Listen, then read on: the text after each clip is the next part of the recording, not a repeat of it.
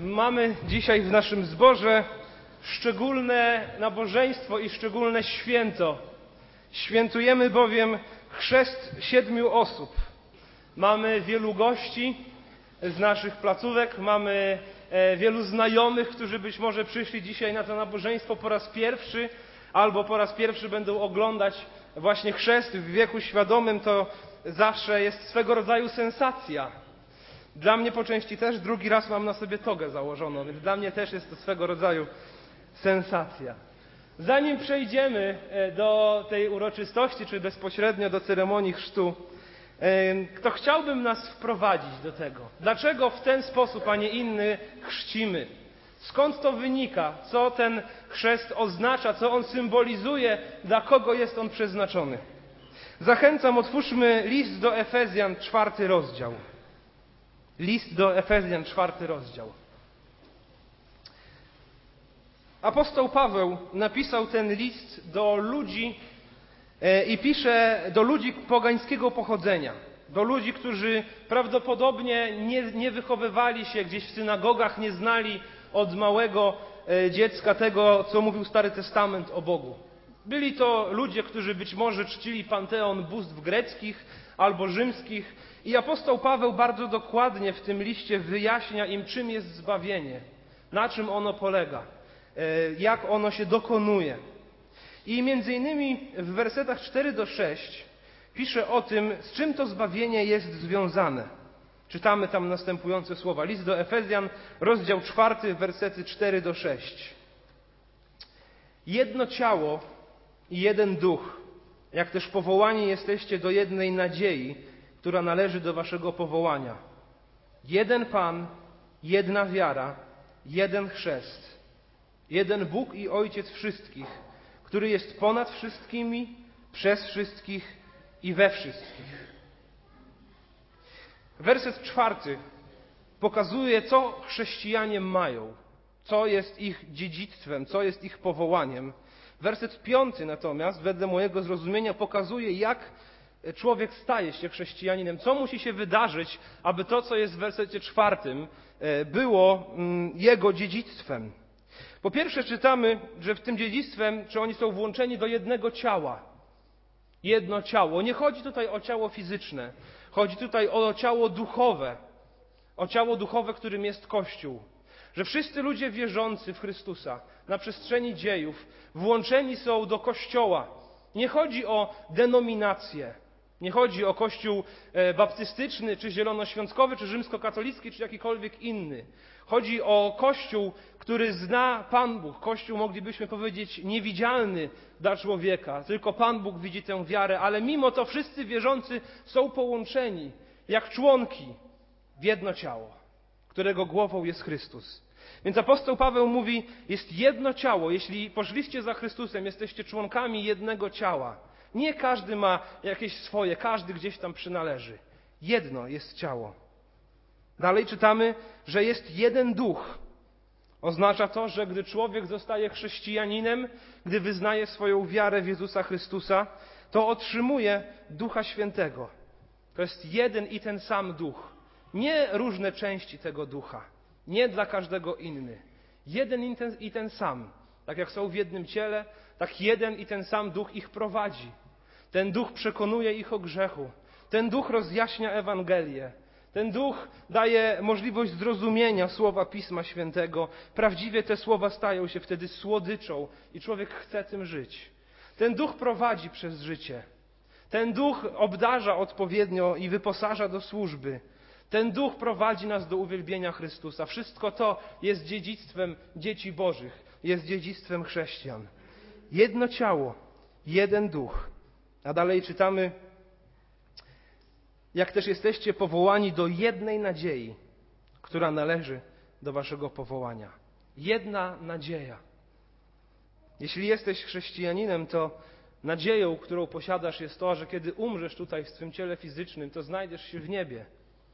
Prawda? Mówiliśmy o tym w zeszłym tygodniu. To jest nasza nadzieja, że kiedy przechodzimy przez trudy życia, kiedy przechodzimy przez trudności i bóle, kiedy zmagamy się z wieloma trudnymi rzeczami, to wierzymy, jesteśmy pewni, że jest nadzieja, Że chociaż tutaj na ziemi jest ciężko, to kiedy umrę, wiem, że znajdę się z moim Zbawicielem Jezusem Chrystusem, z moim Bogiem, z moim Ojcem w niebie i tam razem z innymi wierzącymi będę przebywał na wieki.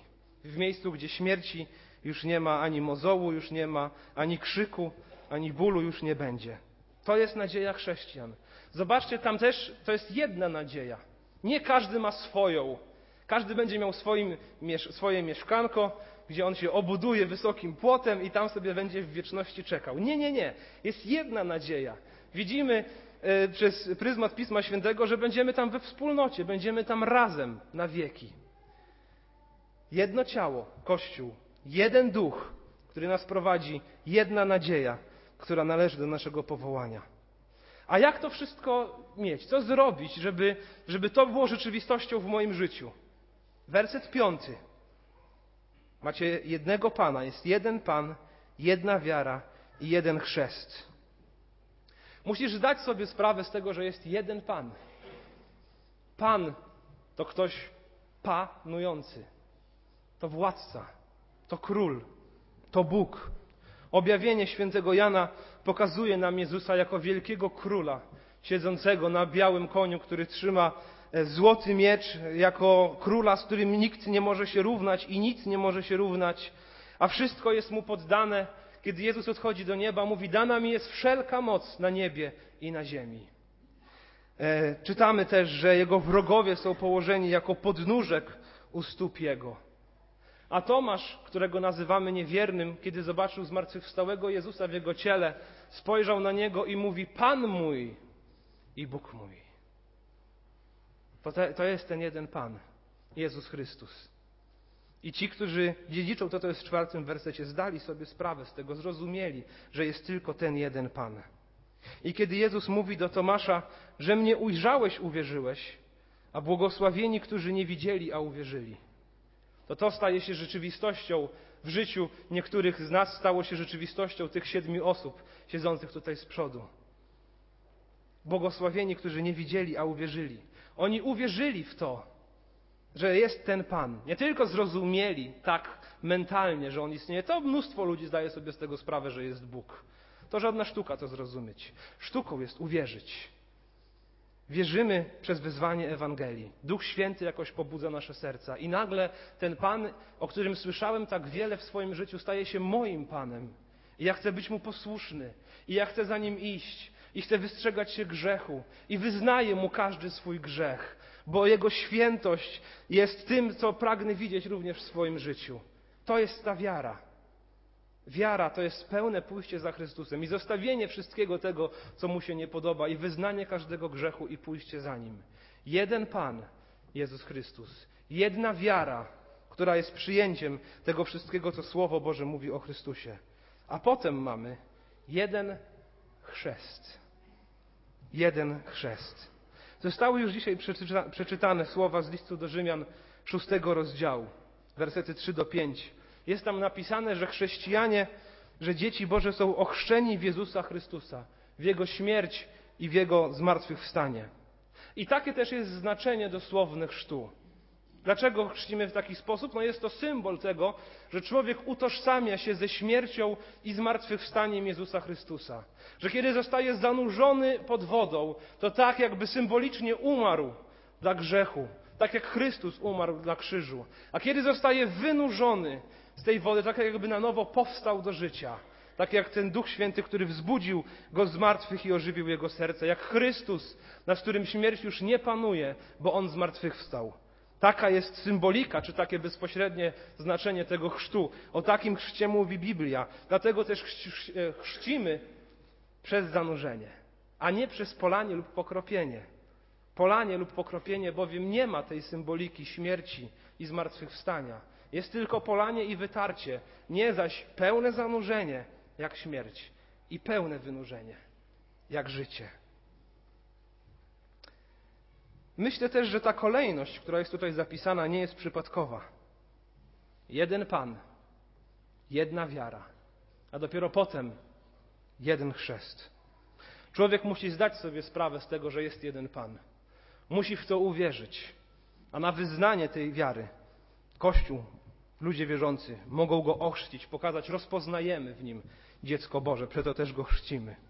I wiemy z kontekstu całej Biblii, że chrzest nie zbawia człowieka.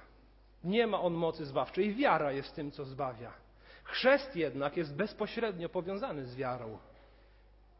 Nie jest to więc tylko symbol, ten chrzest, bo jeśli jest to tylko symbol, to nie ma on większego znaczenia. Ale zawsze, kiedy ludzie uwierzyli w Nowym Testamencie, niedługo potem przyjmowali chrzest. W tej kolejności. Dlatego też nie chrzcimy dzieci, ani nie chrzcimy niemowlaków, bowiem nie rozpoznają one Pana, nie mogą uwierzyć. Chrzcimy dopiero tych, którzy zobaczyli, zrozumieli, uwierzyli. Zobaczyli swoją grzeszność, zrozumieli, że jest jeden Pan, uwierzyli, przeto chcą wyznać swoją wiarę przez chrzest. Powiedziałbym, że chrzest jest trochę jak obrączka. Obrączka nie sprawia, że ja jestem małżonkiem. To, że ja jestem w małżeństwie, sprawiło, sprawiła moja przysięga, którą złożyłem mojej żonie. Podpisałem stosowne dokumenty, wyraziłem swoją wolę. Ma też małżeństwo swój fizyczny aspekt, a obrączka jest potwierdzeniem tego. Ale gdybym tej obrączki nie nosił, to każdy by powiedział, no jakiś dziwny z niego ten mąż. No niby kocha tą swoją żonę, a obrączkę gdzie ma? Dla mojej żony to też mogłoby być dosyć dziwne. Rozumiem, że czasami tam palce komuś puchną i tak dalej. Na potrzeby tego rozważania przyjmujemy, że tak nie jest. Gdyby ktoś to zobaczył, powiedziałby to dziwny. Gdzie ta jego obrączka? Moja żona mogłaby pomyśleć, chyba coś jest nie tak z nim. Co się dzieje? Gdzie ta obrączka? Tak samo jest z chrztem. Jeśli uwierzyłeś, powinieneś się ochrzcić. Nie jest to tylko symbol, ale jest to powiązane z chrztem. Chociaż zbawieni jesteśmy przez wiarę, nie przez chrzest, to jednak Pismo Święte w wielu miejscach wymaga od nas tego, że jeśli idziemy za Jezusem, mamy się ochrzcić. I w końcu chrzest nie jest też rzeczą prywatną. Nie chrzcimy w wannie w domu kogoś. Nie robimy tutaj wieczorków duszpasterskich połączonych z chrztem. Bo jeśli jest jedno ciało, jesteśmy wspólnotą jako dzieci Boże. Jeśli mamy jednego ducha, który każdego z nas prowadzi, jeśli mamy jedną nadzieję, gdzie będziemy we wspólnocie, jeśli mamy jednego Pana, którego wszyscy wyznajemy, jeśli mamy jedną wiarę i przez tą wiarę do tego Pana przychodzimy, to też ich chrzest powinien być rzeczą publiczną. Powinien być rzeczą publiczną, bo jak mamy być w niebie razem, jak tutaj na ziemi nie widzieliśmy swojego chrztu, tylko był on czymś tam moim wewnętrznym, własnym przeżyciem gdzieś w domu. Robimy to publicznie. Chcemy się cieszyć tymi siedmioma osobami jako zbór. Cieszyć, że są nowe osoby, które rozumieją Ewangelię i chcą iść za naszym Bogiem. Wierzę, że oni chcą też zamanifestować swoją wiarę przed swoją rodziną, przed, przed swoimi znajomymi. Chrzest ma wymiar publiczny. Nie jest to tylko, tak jak wiara nie jest prywatnym tylko przeżywaniem Pana Boga. Ona się wyraża we wspólnocie. Tak samo i chrzest. Dlatego chrzcimy osoby świadomie wierzące które zrozumiały, że jest jeden Pan, mają jedną wiarę, w konsekwencji tego chcą być ochrzczone. Dlatego chrzcimy przez zanurzenie, bowiem oznacza to śmierć i zmartwychwstanie.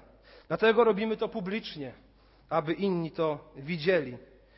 I dlatego też e, wierzymy, e, że jest to wszystko oparte na fundamencie Pisma Świętego. To jest nasz ostateczny wyznacznik. Wedle tego, co mówi Pismo Święte, chcemy postępować. Jedno ciało, Kościół, Jeden duch, jedna nadzieja, jeden Pan, jedna wiara, jeden chrzest. I w tym wszystkim jeden Bóg i Ojciec wszystkich, który jest ponad wszystkimi, przez wszystkich i we wszystkich. A jak jest z Tobą? Czy tylko wiesz, że jest Bóg, czy wierzysz, że jest Bóg i jesteś gotowy zostawić wszystko w Twoim życiu, aby za Nim iść? A jeśli uwierzyłeś, to czy przyjąłeś chrzest? Czy może zwlekasz, bo jeszcze chcesz zrobić to i tamto i tamto? Jeśli masz wiarę, Pismo Święte wzywa Ciebie, ochrzcij się. Przyjmij ten chrzest, iść za Jezusem w pełni.